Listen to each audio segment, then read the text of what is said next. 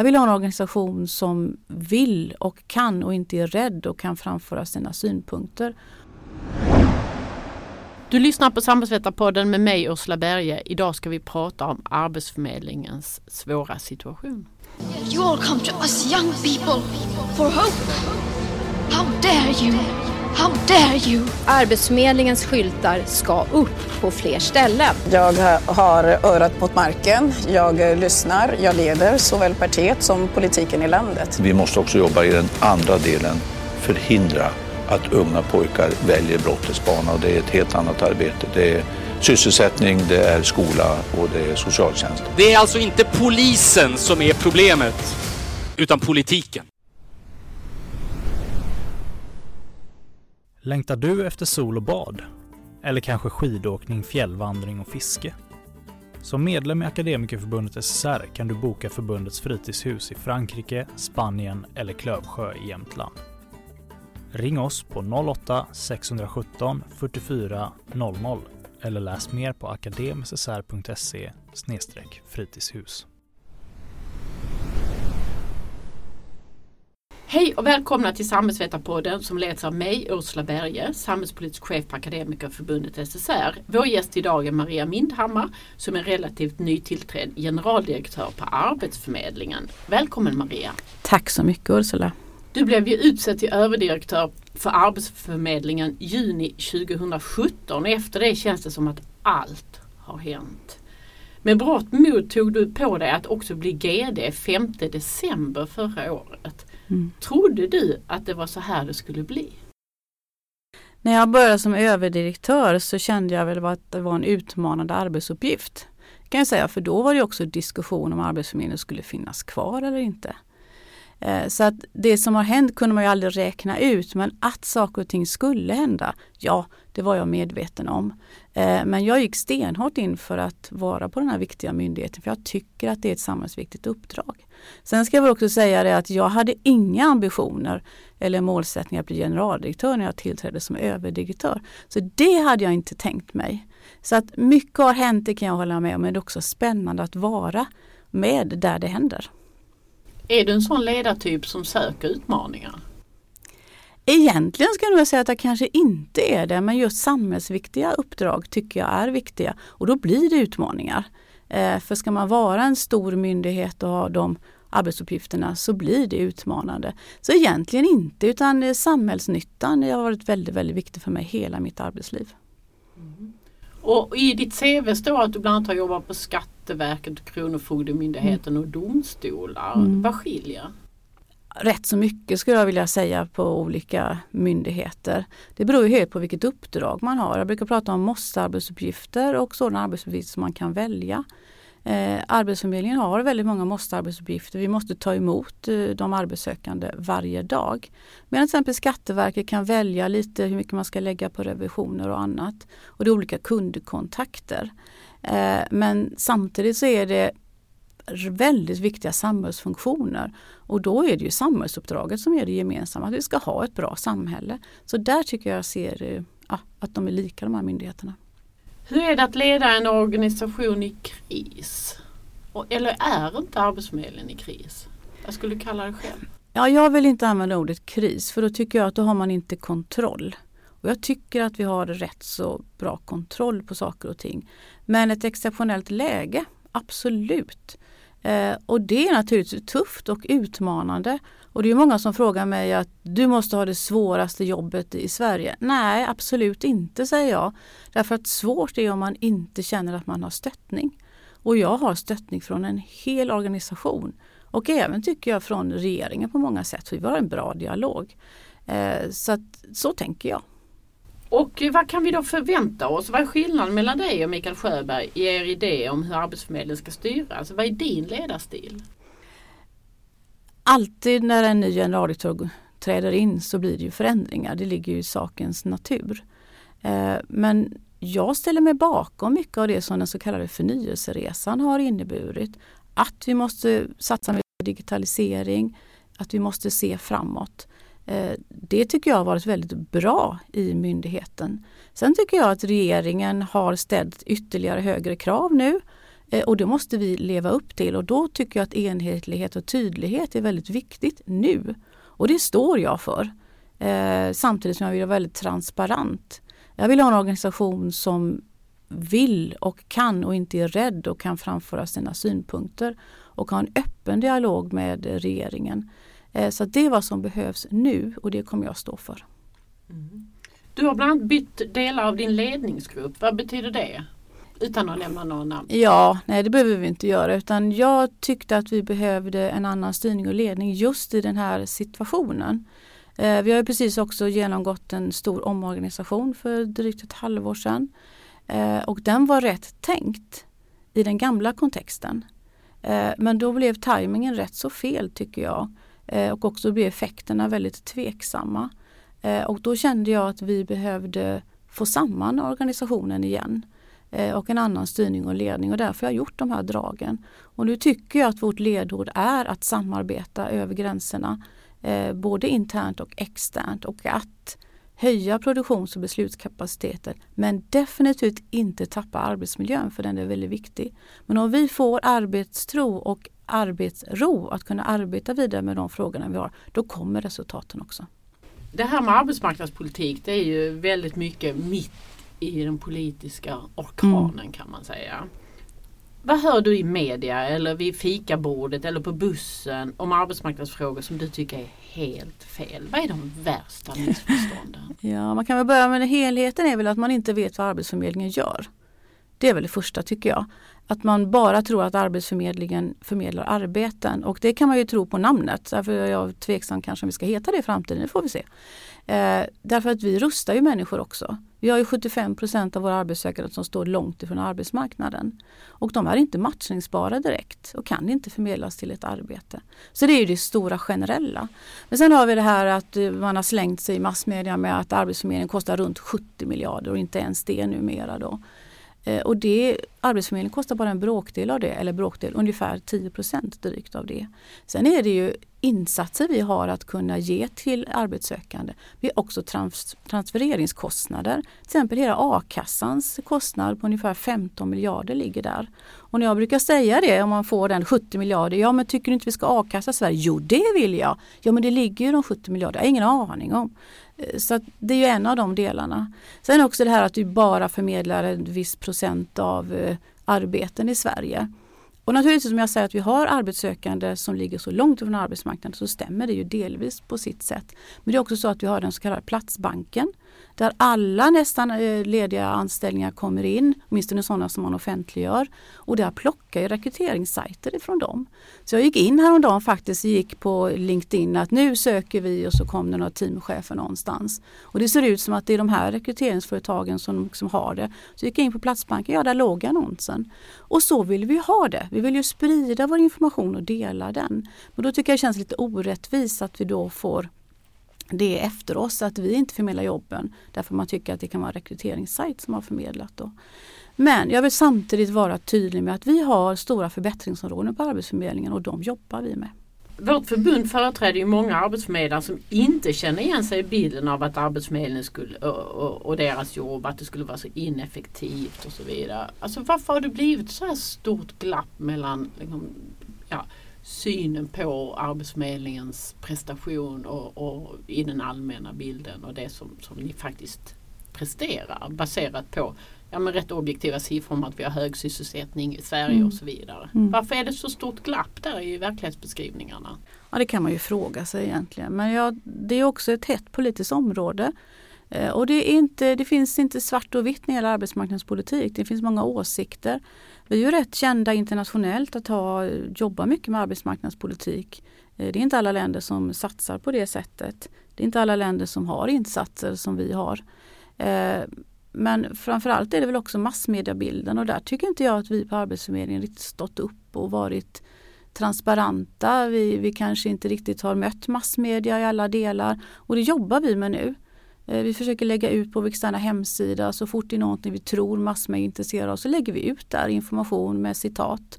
Vi eh, döljer inget, det påstår jag inte att vi gjort förut heller, men vi ska vara transparenta och erkänna att nej men där hade vi fel.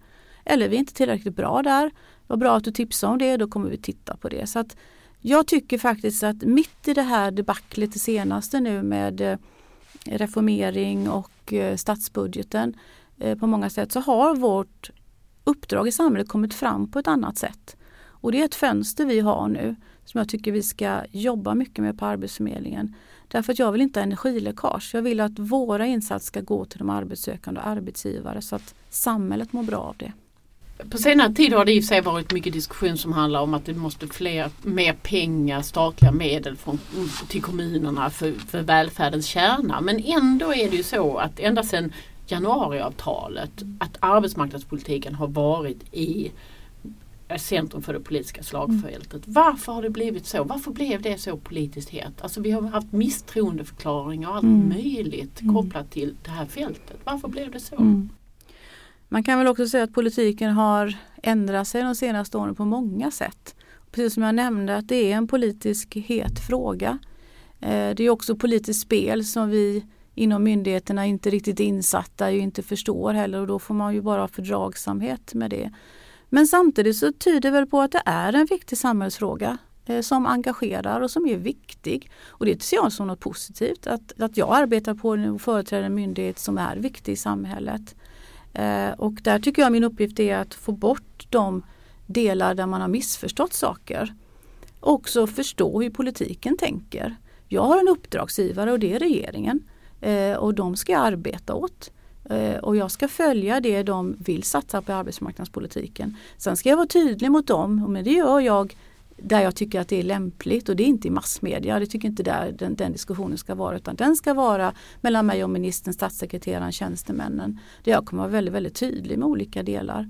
Eh, och då kanske det kan också det kan vara ett lugn i, i, organisationen och i politiken. Och också svara på oppositionspartiernas synpunkter och samarbetspartierna och svara på deras frågor och visa engagemang och förståelse för att det finns många olika åsikter.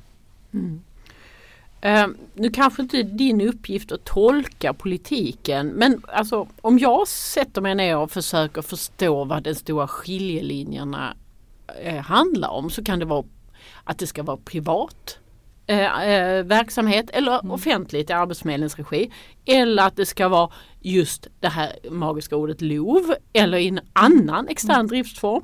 Eller om det ska vara resultatbaserat eller att det är någon form av grundersättning. Om det ska finnas i hela landet eller inte. Om det ska vara billigare och effektivare, mer eller mindre. Eller om ni bara ska ha mer tid. Alla de där skiljelinjerna har ju varit uppe till debatt nu på sistone. Mm.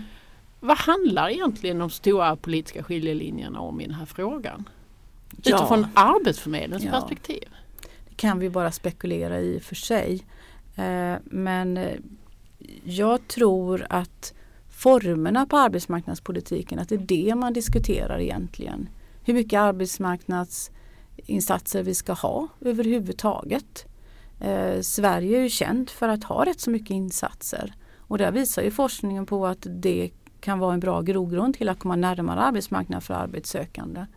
Men jag tror det är där den stora skiljelinjen är, hur mycket vi ska lägga helt enkelt på de här delarna och hur mycket ansvar de arbetssökande själva ska ha. Eh, vems ansvar är det? Och där är ju länderna eh, väldigt olika när vi tittar på olika system. Så jag tror att det är där eh, skiljelinjen ligger. Sen tror jag också förståelse eller inte förståelse för hur långt från arbetsmarknaden många av de arbetssökande är. Eh, att man eh, kanske tror att det skulle gå mycket fortare om man var lite mer effektiv och så. Men det tycker jag har kommit fram det senaste att man har förståelse för det och inser att det är många som står långt ifrån arbetsmarknaden.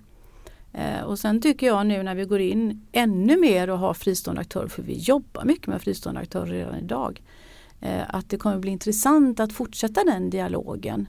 Eh, därför jag kan också känna att då blir Arbetsförmedlingen, får ju partnerskap med några andra som kan komma i debatten och diskutera vad som är bra eller mindre bra så att vi kommer framåt i de frågorna. Mm.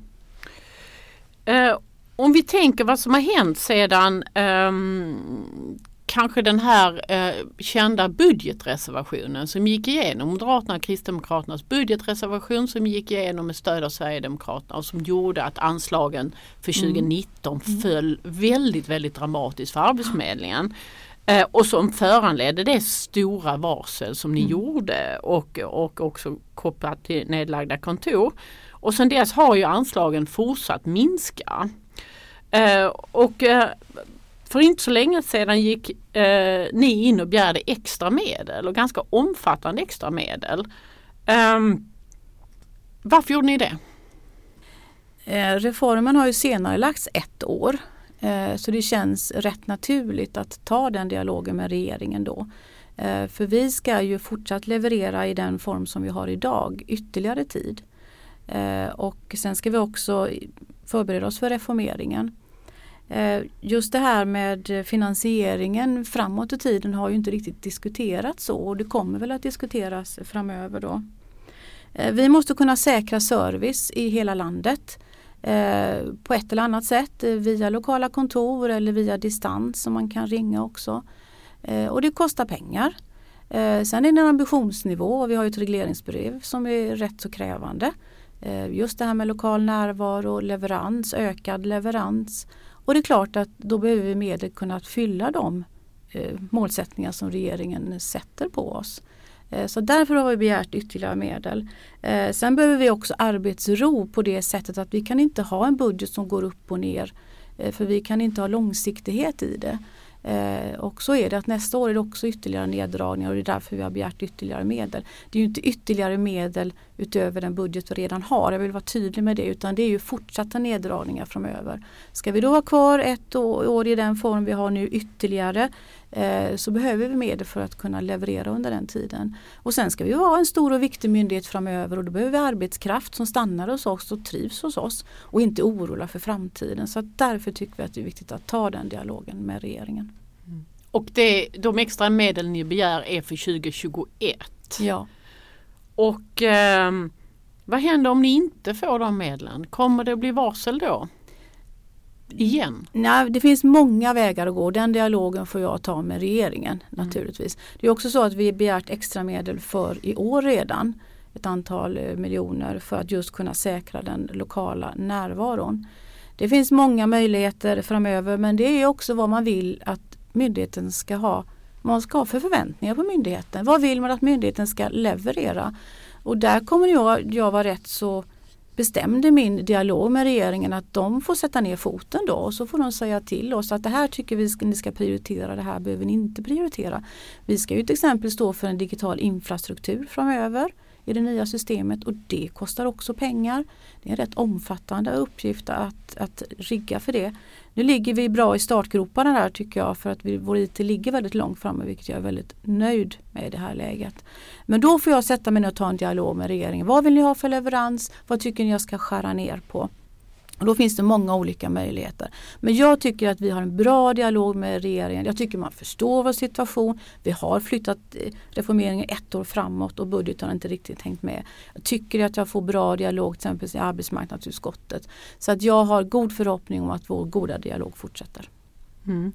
Och det ni då äskar skulle innebära på något sätt att, att anslagen gick in i någon mer steady state läge. Att de inte fortsatte neråt i alla fall. Nej, inte det här liksom ner och upp och, och, och hit och dit utan, utan att det blir liksom lite, sen får vi diskutera sen reformeringen kommer. Det är ju så här också att vi vet ju inte när marknaden kan vara på plats om vi tittar på fristående aktörer. Nu gör vi ju eh, ut, utvecklade matchningstjänster som vi tittar på nu i 32 kommuner och sen ska det ju utvärderas. Eh, och det är väldigt viktigt att vi har en arbetsförmedling, fristående aktörer i kombination som fungerar och som är hållbart. Så att det här är, är mer för att vi ska tillsammans göra det så bra som möjligt nu och framöver. Hur tolkar du arbetsmarknadspolitikerna just nu? Tolkar du som att det finns eh, ett gehör för att eh, hitta den här stabilare ordningen som, som eh, du beskriver att ni behöver? Jag tycker att man har förstått våra arbetsuppgifter bättre nu än vad man kanske någonsin har gjort tycker jag. Att vi kan få lyfta upp det här med många långt ifrån arbetsmarknaden. Eh, att vi behöver arbetsro. Det innebär, inte att vi inte ska effektivisera och göra allt vi kan för att kosta mindre framöver. Det tycker jag är jätteviktigt. Eh, jag tycker att man har, man kan väl säga så här att när vi nu har lämnat på vissa orter, när vi inte kan ge samma service, då blir vi saknade. Eh, och det är ju naturligtvis, det kan finnas många olika möjligheter i ett samhälle att ha en arbetsmarknadsmyndighet på olika sätt. Men att det behövs, det känns ju så och jag tycker att det är en majoritet i riksdagen, en enighet om att vi ska finnas kvar eh, Eh, och vara en viktig myndighet framöver, vara expertmyndigheten, vara den myndigheten som står garant för arbetsmarknadspolitiken. Så jag tycker att det är lite lättare på det sättet.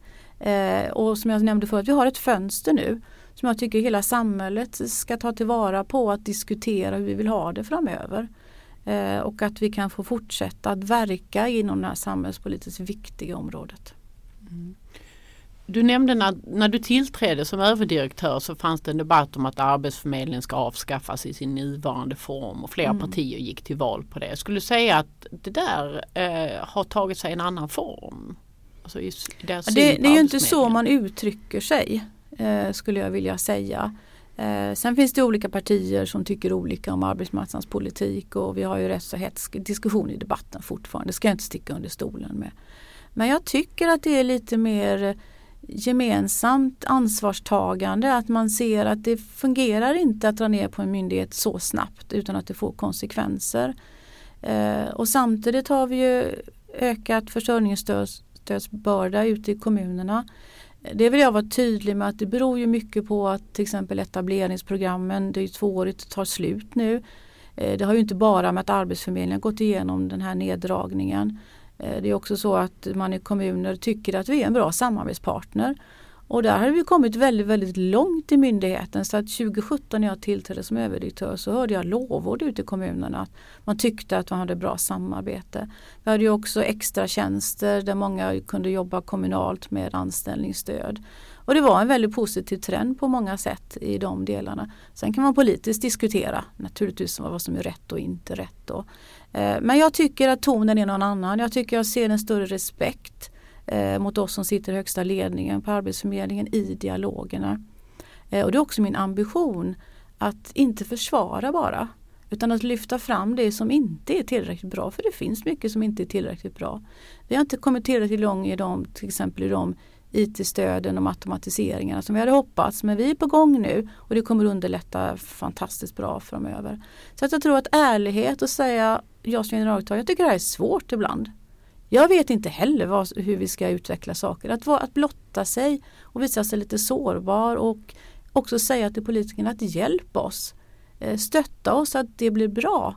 Men ska vi lägga energiläckage på saker som inte är samhällsnyttigt? Det vill inte jag ställa upp på. Däremot ska jag vara i debatten och diskutera men jag lyssnar gärna. Jag tar, eh, det finns kloka tankar från många och sen har jag dialoger med regeringen. Jag tänkte vi skulle gå in på en del som i alla fall i januariavtalet beskrevs som väldigt bärande i den reformering som ska göras. Och det, det, det är den här lagen om valfrihetssystem. Mm. Eh, som innebär att, att kunden, den arbetssökande ska kunna välja leverantör. Och i januariavtalet stod det att ett nytt system baserat på LOV ska utvecklas. Eh, den 9 december gick arbetsmarknadsministern som då var under ett hot om misstroendeförklaring mm. från Vänsterpartiet. Då gick hon ut och sa att, att kompromissen eller det som gjorde att, att misstroendeförklaringen i, inte lades mm. att hon istället att ref, sa att reformeringen av Arbetsförmedlingen ska inte vila på LOV. Vad är skillnaden på baserat på LOV och nu inte vila på LOV? Mm. Det där är ju en fråga som du får ställa till politiken naturligtvis. För att, är det stor skillnad? Eh, jag, jag kan inte uttala mig om det. Eh, men man kan väl säga så här att Arbetsförmedlingen idag har ju då något som heter stöd och matchning. Och det vilar då på lagen om valfrihet. Eh, vi har många fristående aktörer som arbetar på det sättet. Det har vi stor erfarenhet av och tycker att det fungerar bra. Vi har ju kontroller och vi har uppföljning och man kan också alltså utesluta eh, leverantörer om man inte tycker det är tillräcklig kvalitet och så. Vi har ett ratingsystem. Det är en del. Men det är ungefär 25 procent av det vi upphandlar på myndigheten. För 75 procent så har vi lagen om upphandling eh, som är ett striktare system. På det sättet att man måste söka och man ska prövas och vi väljer ut de som har bäst i de här sökande kriterierna. Då. Eh, vi har sagt hela tiden och uttryckte det också i analysuppdraget att vi tycker att vi ska kunna få välja upphandlingsform. Eh, till det som är mest ändamålsenligt. Det har vi alltid gjort och vi tycker att det är bra framöver. Så att den här diskussionen som har blivit den, tyck, den välkomnar vi på det sättet att den stämmer ju med vad vi har tyckt från början. Nu har vi också som jag säger en, en utvecklad matchningstjänst där vi tittar och försöker nu. Eh, och då har vi valt lagen om valfrihet. Det finns diskussion om det också. Men vi har erfarenhet från den. Vi har varit tvungna att få fram snabba resultat för att kunna utvärdera med IFAU bland annat. Och vi kan inte vara i en vanlig upphandling med de överprövningsdelarna som finns. Då kan det dröja ett år innan vi kommer igång. Men jag tycker att det är bra att säga att vi ska kunna välja upphandlingsform efter ändamålsenlighet. Så det kan se olika ut över landet. Så att där har vi landat Mm. Eh, och, och stanna där helt enkelt. Och där har ju också arbetsmarknadsministern landat. Hon sa ju att den mest ändamålsenliga upphandlingsformen ska användas. Det sa hon väl 9 december också. Vilket ju för alla oss som tycker politik ska vara rationellt en fullständig självklarhet. Ja, vi tyckte att vi ville ha det på det sättet så att det var ju bra att ministern förtydligade det. Sen vill jag vara väldigt, väldigt tydlig med att när vi nu utvecklar matchningstjänst och väljer eh, lagen om valfrihet så innebär det inte att det måste vara så framöver. Det kan politiken bestämma och säga till oss. Då kommer vi lyda. Jag lyder. Jag, jag jobbar på uppdrag av regeringen. Eh, så att det där är inga problem. Men jag tycker att det var viktigt att vi och politiken får ett bra underlag att kunna fatta kloka beslut på framöver. Mm. Jag tänkte vi skulle komma in på den här eh, tjänsten ni nu utvecklar som heter, ni kallar det KROM. Mm. Arbetsförmedlingen är jättebra på förkortningar. Ja du, det är, men jag kan säga att det är inte enda myndigheten som är bra på förkortningar. Jag försöker lära mig den där och KROM jobbar jag fortfarande med med alla delar. Ja. Och, och KROM står ju för kundval, rusta och matcha mm. och är ju någon form av ja, man kan kalla det populärt någon STOM 2.0 kanske, stöd och matchning i, i någon ny eh, reformerad variant. Och detta är ju ert svar kanske på det som, som politiken har sagt att, att man ska eh, eh, pröva och dra lärdomar av upphandlade matchningstjänster. Eh, kommer ni att kunna pröva, dra lärdomar och vara väl förberedda med hjälp av det här eh, krom som ni nu sjösätter i slutet på mars, början på mm, april i bästa ja, fall? Ja. ja. det tror jag. Eh, vi har ju FAU med eh, som ska vara med och utvärdera och de har ju också varit med kring upplägget av tjänsten. Eh, för vad jag inte nämnde förut också när vi väljer lagen om valfrihet att vi måste komma upp i volym rätt så snabbt för att kunna utvärdera. Prövar också lite olika varianter av resultatersättning för att kunna jämföra. Så jag tror att vi kommer få väldigt värdefull eh, lärdomar och erfarenheter av det här. Om det är tillräckligt för att kunna fatta ett större beslut hos regeringen, det, det, får, det får vi avvakta och se. Men jag känner mig nöjd med att myndigheten har verkligen kommit fram till att vi kan starta det här nu. För i det här ligger ju också ytterligare automatisering från vår sida. Att vi prövar lite eh, kring arbetsmarknadspolitisk bedömning och annat. Att få lite mer datorstöd i de delarna. Så att, ja, jag ser positivt på det och så får vi se om det räcker. Mm. Och Arbetsförmedlingen har ju erfarenheter tidigare av olika LOV-baserade system och stöd och matchning nämnde du som mm. har utvecklats mm. löpande mm. sedan det infördes. Mm. Men ni har ju också lite sämre erfarenhet mm. av jobbcoach och etableringslotsar. Mm. Vilka erfarenheter drar ni av de sämre exemplen i historien? De sämre exemplen har vi dragit erfarenhet av när vi kom med stöd och matchningsdom som kallas. Eh, att det är mycket bättre uppföljning, mycket, mycket bättre kontroll, större krav, mycket bättre dialog. För jag tror det är jätteviktigt att ha dialog.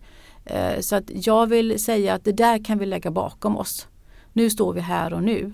Eh, men sen samtidigt så är jag väldigt tydlig med att så fort det finns fristående aktörer, när det är statliga eller kommunala pengar så finns det alltid risk eh, Eh, för att det blir överkostnader och till och med kan finnas en del som försöker bedrägligt. Eh, det måste vi vara vaksamma på och det förstår jag i samhället att det är där man liksom mm, funderar på, blir det här bra eller inte? Och då måste vi vara garanten för att det, det blir bra på den delen. Men samtidigt tillbaka till budgeten, att det kostar pengar det också. Eh, att, att ha en myndighet som satsar mycket på det och det är en ambitionsfråga. Mm. Um, K i KROM står för kundval och kunden är den arbetssökande. Uh, ibland när jag hör saker och ting runt krom och dragningar runt och hur det ska konstrueras och också, också runt stöd och matchning så får jag ibland intrycket av att det är väldigt leverantörsfokuserat. Mm. Hur jobbar ni med att säkerställa att kunden, den arbetssökande, verkligen har möjlighet att göra ett informerat och klokt val som för den personen närmare arbetsmarknaden? Mm.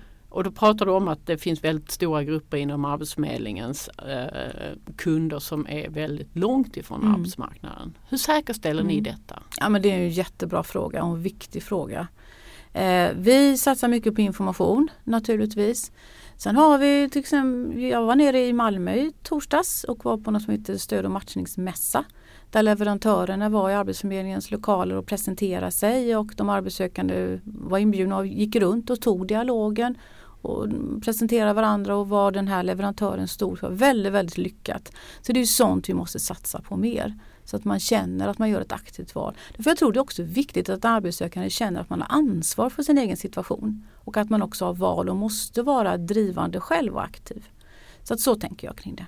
Mm. Men känner ni att ni är myndigheten för de arbetssökande mer än för leverantörerna? Känner ni att ni går in i det här krom och utvecklar det med det fokuset? Jag tycker att vi gör det men jag håller med dig om att man måste påminna sig själv om det hela tiden. Eh, därför att det sker så snabbt allting. Och det är ju en akilleshäl naturligtvis, allt ska fram så fort. Eh, men ja, jag tycker att vi, vi har bra dialog. Våra arbetsförmedlare har bra dialog med de arbetssökande och ger det stöd som de behöver. Men vi kan bli mycket bättre på det. Och då är det så bra när vi sitter i en sån här poddintervju för att då föder du någonting hos mig att ja, ja, nej, jag ska nog titta lite ytterligare på det där. Mm. Men vad bra. eh, vad är det bästa med krom? Vad kommer ni att veta när det här Förlåt man får inte säga pilot. Ja, det här, just det, eh, utveckla matchningstjänst. Den utvecklade Mm. matchningstjänsten har Mm. kört Mm. ett år. Mm. Alltså den går inte att Mm. utarbeta eller utvärdera nu för den har inte ens Nej. kört igång. Nej. Eh, Och när du säger bästa med Krom, det vill jag bara säga bästa med att vi nu utvecklar det här då. För Mm. vad är det för erfarenhet, de bästa erfarenheter? Nej men det är ju resultatersättningen. Eh, Det som nu är beställningen, att det ska vara mer resultatbaserat. Eh, Där kommer vi få bra erfarenheter. Eh, vi kommer få upp en större skala så att vi kan dra slutsatser men också för våra medarbetare att vi kan pröva på lite mer automatisering, få lite mer stöttning i arbetsmarknadspolitisk bedömning. Eh, och också få en automatisering av vilka som bör gå till Krom, till de här leverantörerna. Eller kan det vara så att man är så nära arbetsmarknaden som man bör klara sig själv. Eller så ligger man så långt ifrån så att det här krom inte är aktuellt utan man behöver ytterligare rustning för att sen kanske komma in i krom. Och det där kommer förenkla också för våra medarbetare och jag tycker nu att från att vi har sprungit eh, med uppsägningar förra året från att vi ska leverera så mycket att nu börjar det kännas att ja men det är lite spännande eh, och det blir så bra som vi på förmedlingen ihop med leverantörerna gör det framöver.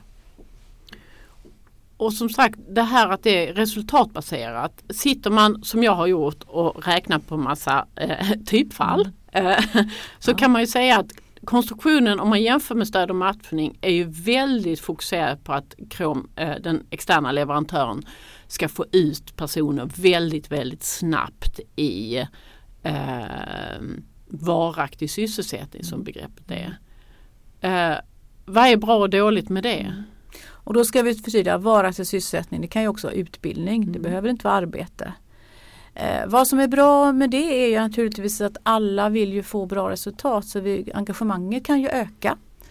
Det du är ute efter är väl lite, får man ut folk på fel anställningar lite för snabbt. Och där måste vi titta på hållbarheten. Och just därför att man kan få ut utbildning är ju positivt. Eh, vi kommer ju också ha utbildningar som vi kan bevilja om den fristående aktören kommer till oss och säger att vi tycker att den här personen borde gå till exempel en arbetsmarknadsutbildning så kan vi fatta det beslutet. Eh, så att det är ju viktigt men hållbarheten måste vi ha i fokus. Eh, och då kommer ju också drivkraften både hos den arbetssökande och den fristående leverantören ihop med Arbetsförmedlingen. Det är det vi måste odla framöver. Att alla förstår att alla har ansvar i det här och så måste vi sköta de delarna på ett bra sätt var och en. Vi som förbund har jobbat väldigt mycket med att få till exempel utländska akademiker i rätt jobb, inte bara ett jobb. Det beror ju på att om vi tittar på arbetsmarknaden idag så är det just våra potentiella medlemmar, alltså akademiker utbildade inom samhällsvetenskap till exempel, som i störst utsträckning jobbar med jobb de är väldigt överkvalificerade för. Och då kan man ju ha en farhåga i att ett re resultatbaserat system om det inte tydligt också siktar mot att man ska ha jobb i paritet med sin utbildning kan riskera att förstärka den effekten av att man trycks ut i vilket jobb som helst. Det vill säga den här redovisningsekonomen trycks ut i ett städjobb med rutavdrag. Mm. Hur ska vi eliminera den risken? Mm. Men det är jätteviktigt att vi utvärderar framöver och att den, Arbetsförmedlingen är den där expertmyndigheten som kan utvärdera ihop med IFAU och titta på vad blir effekten av det här. Eh, och, men där kommer också drivkraften in hos den arbetssökande för att det är ju motiverande som Arbetsförmedlingen mycket håller på med att motivera till utbildning. Att motivera till att ja, lära sig språket och de delarna och där måste vi dela arbets, arbetsfördelning mellan de fristående aktörerna och Arbetsförmedlingen. Eh, jag tror också att vi har ju något som heter snabbspår till exempel som jag vet ni tycker om. Eh, att vi fortsätter med den verksamheten på många sätt. Men sen är det väl också så att det kan ju också vara rätt att börja på ett lägre kvalificerat arbete och komma in, kanske lära sig språket bättre och sen gå vidare. Så att här om tvistar det lärde om man säger så, framförallt politikerna, ett jobb, rätt jobb. Mm. Eh, och det är väl det jag kan säga om det, att vi måste vara noga med att se effekterna av eh, fristående leverantörers arbete med ett resultatbaserat system och det måste vi utvärdera. Jag håller med om att det är viktigt. Mm. Men jag som har suttit och rotat i Kroms eh, anslagsmodell mm. kan konstatera mm. att hade den inte vunnit på någon rätt jobb-premie Alltså det kan man ju koppla till sådana här SSY-koder och gud vet allt liksom. Och, alltså, ja. Nu var ju inte det riktigt beställningen och ska vi göra det snabbt så hinner vi liksom inte Nej, göra den utvärderingen. Men, men tack för tipset. ja, eh, men... men det är väl det att vi får göra den här mm. Eh, krom som det heter nu. Det kanske heter något annat nästa gång. Mm. Inte vet jag men det ska bli så bra som möjligt och då är det bra med input från olika delar, till exempel från er. Mm. Det ger vi gärna. En viktig del som Vänsterpartiet krävde var ju det här att man skulle ha mer tid för att utarbeta, ut, uh, alltså analysera erfarenheter från bland mm. annat det här KROM. Nu har ni fått ett år till, mm. uh, 2022 istället för 2021. Kommer du känna då när ni kör igång 2022 att amen, vi har ett bra underlag. Vi vet vad vi behöver veta. Mm. Jag tycker till många delar att vi redan nu har bra underlag. Eh, tillräckligt bra underlag för den tid som har gått. Den knappa tid. Vi kom ju fram med analysrapport på ett höj skulle jag vilja säga. Eh, men vi har också sagt att det är väldigt tidskritiskt så att vi tycker att det är bra att vi får lite längre tid på oss. Det är ju så att vi ska förbereda men vi ska inte springa före.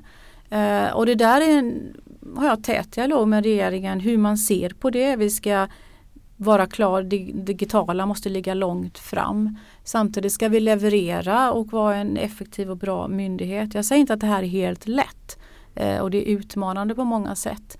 Men vi taktar med politiken. Eh, samtidigt så måste vi gå framåt som myndighet. Vi måste effektivisera, digitalisera ytterligare. Det har ju inte med reformeringen att göra enbart utan det är också myndighetseffektivitetskrav på en myndighet. Så att där fortsätter vi också. Eh, vi får väl se. Eh, ja, tiden får utvisa. Men KROM är ett bra steg i rätt riktning. Mm. Eh, och att vi fortsätter dialogen tätt med regeringen. Men du är glad för det här extra året? Eh, jag tror att det var väl avvägt eh, på många sätt. Eh, sen samtidigt säger jag att även om man säger att reformeringen ska vara klar så var ju inte det preciserat vad det skulle innebära. Jag pratade förut om att när är marknaden på plats bland mm. de fristående aktörerna vi får nog tänka oss att vi får hela tiden takta i det här. Eh, och det kommer att gå framåt i ändra riktningen och vi följer det som man bestämmer med positiv anda vill jag säga. För att det finns inga rätt och fel, det finns inga tydliga eh, från forskare som entydigt säger utan nu prövar vi det här. Eh, och jag tycker att engagemanget lyfter på Arbetsförmedlingen liksom i politiken också i dialogen. Och då kör vi full fart framåt eh, på många sätt. Men som sagt, här framtidstro måste vi ha. Och det tycker jag att vi har fått lite bättre det senaste här. Mm. Och eh, vi ska gå in lite på digitaliseringen sen. Eh, men jag tänkte ställa dig en fråga. Jag satt och läste arbetsmarknadsutskottets betänkande. Det är sånt här jag håller på med. Ja, ja, men det är jättebra. Och där har Sveriges största parti som nu råkar vara Sverigedemokraterna Mm. en reservation som Mm. vi inte behöver läsa upp högt. Men Nej. där står bland annat, och jag vill inte att du recenserar Sverigedemokraterna utan den idé de har om morgondagens arbetsmarknadspolitik. Och Mm. då säger de att hela anslaget 1.3, det vill säga arbetsmarknadspolitiska program, ska avskaffas. Och hela 1.12, det här är ju kinesiska för många, men det är ju nystartsjobb, etableringsjobb och YA-anställningar, alltså väldigt många subventionerade anställningar. De här ska nollas i anslag till 2022. Vad är det för arbetsmarknadspolitik då? Ja, alltså, som jag sa förut så ligger ju Sverige rätt så framkant i sin arbetsmarknadspolitik just man säger hur mycket man vill satsa på olika insatser och subventionera anställningar för det är det man pratar om här väldigt mycket. Eh, det blir ju något helt annat. Eh, det blir ju inte en arbetsförmedling som kan ha insatser att rusta människor på det sättet. Eh, kommunerna behöver ytterligare ställa upp med utbildningsplatser för det är ju där man måste då rusta människor. Eh, det vill jag säga redan idag att Arbetsförmedlingen är ju en, ke- är en kedja just med att kommunerna måste ju kunna erbjuda utbildningsplatser för att vi ska kunna komma framåt för sen kanske det kan vara en subventionerad anställning och så. Som sagt, jag ska inte recensera eh, på något sätt. Man kan väl säga att forskningen säger att subventionerade anställningar ger rätt så bra resultat. Men det kostar pengar. Eh, det ska jag inte sticka under stolen med. Så att jag överlåter till politikerna att fortsätta diskutera och så kommer jag att förhålla mig till det. Eh, Men som sagt det är en het fråga men jag välkomnar att den diskuteras. Digitalisering, det har ju varit par parallellt med förnyelseresan och alla turbulenser sedan januariavtalet en otroligt eh, bärande del av förändringen av Arbetsförmedlingen. Eh, vad är dess största förtjänster och brister och vad kan aldrig digitaliseras? Mm. Man kan säga så att eh, förtjänsten är väl att vi får mer träffsäkerhet i våra bedömningar. Vi också frigör tid eh, till att vi kan arbeta med de som behöver stöd i personliga möten på distans eller eh, lokalt på det sättet. Men det är klart att vi, integriteten hos arbetssökande är väldigt viktigt så att personliga egenskaper måste vi diskutera mer till exempel om det ska ge men det kan också vara att man ger sitt tillstånd och så. Så att vi är väldigt noga med att det ska vara transparent och också att vi ska skydda våra arbetssökande så att vi inte går för långt in i deras privatliv på det sättet. Mm. Och hur säkrar du upp den professionalitet i digitalisering, den professionalitet som finns hos arbetsförmedlarna? Hur, eh, det som de tycker är det här som kanske inte går att digitalisera. Hur, hur jackar det här ihop med den ganska omfattande digitaliseringen Nej, men vi har, ju, vi har ju sagt så här att vid behov ska vi kunna erbjuda besök personligen via distans eller via lokalt och det kommer vi stå för att det ska vi kunna göra på det sättet. Eh, Jag vill väl också säga det att digitaliseringen på Arbetsförmedlingen är ju viktig. Vi kom ju i otakt när vi fick den här snabba neddragningen i statsbudgeten för då var ju inte våra IT-system klara och redo. Så vi har ju haft ett glapp. Eh, och det har varit sorgligt på det sättet eh, att vi inte kunnat matcha det internt. Men nu är vi på väg dit. Eh, och jag tror det är stora möjligheter. Jag tror det kommer underlätta. Jag tror det är bättre träffsäkerhet. Men naturligtvis ska vi ha integriteten i åtanke också. Mm. Och du var inne på det tidigare. Känner ni att ni kan säkra upp att era kunder, de arbetssökande, även de som kanske är svagt digitaliserade, verkligen kan få det stöd de behöver? Ja, det är ju, det, det är ju vår ambition naturligtvis är det så. Sen är det också väldigt många olika åsikter eh, kring hur man klarar och inte klarar. Och jag tror också att det är viktigt att drivkraften hos de arbetssökande kommer fram. Att man också förstår att det är delat ansvar. Arbetsförmedlingen ska stötta så mycket som möjligt, kommunen, Eh, fristående aktörer men vi måste liksom ta delar av ansvaret allihop.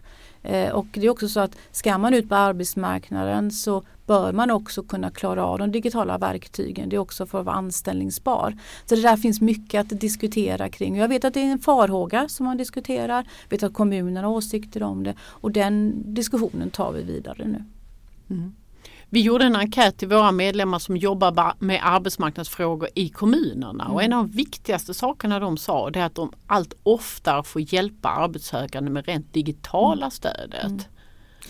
Ja, och där har vi ju nu dialog med eh, servicekontoren där vi kommer att rulla ut vår verksamhet, att de ska stötta oss i de här. Så att ja, jag hör de eh, delarna. Jag vill också säga att Arbetsförmedlingen har ju hamnat någonstans i det arbetsmarknadspolitik, näringspolitik med arbetsgivare och också socialpolitik. Och där måste vi sätta ska inte säga gränser men också dela upp arbetsuppgifterna. Och då är vi tillbaka till vad är det för förväntningar på Arbetsförmedlingen?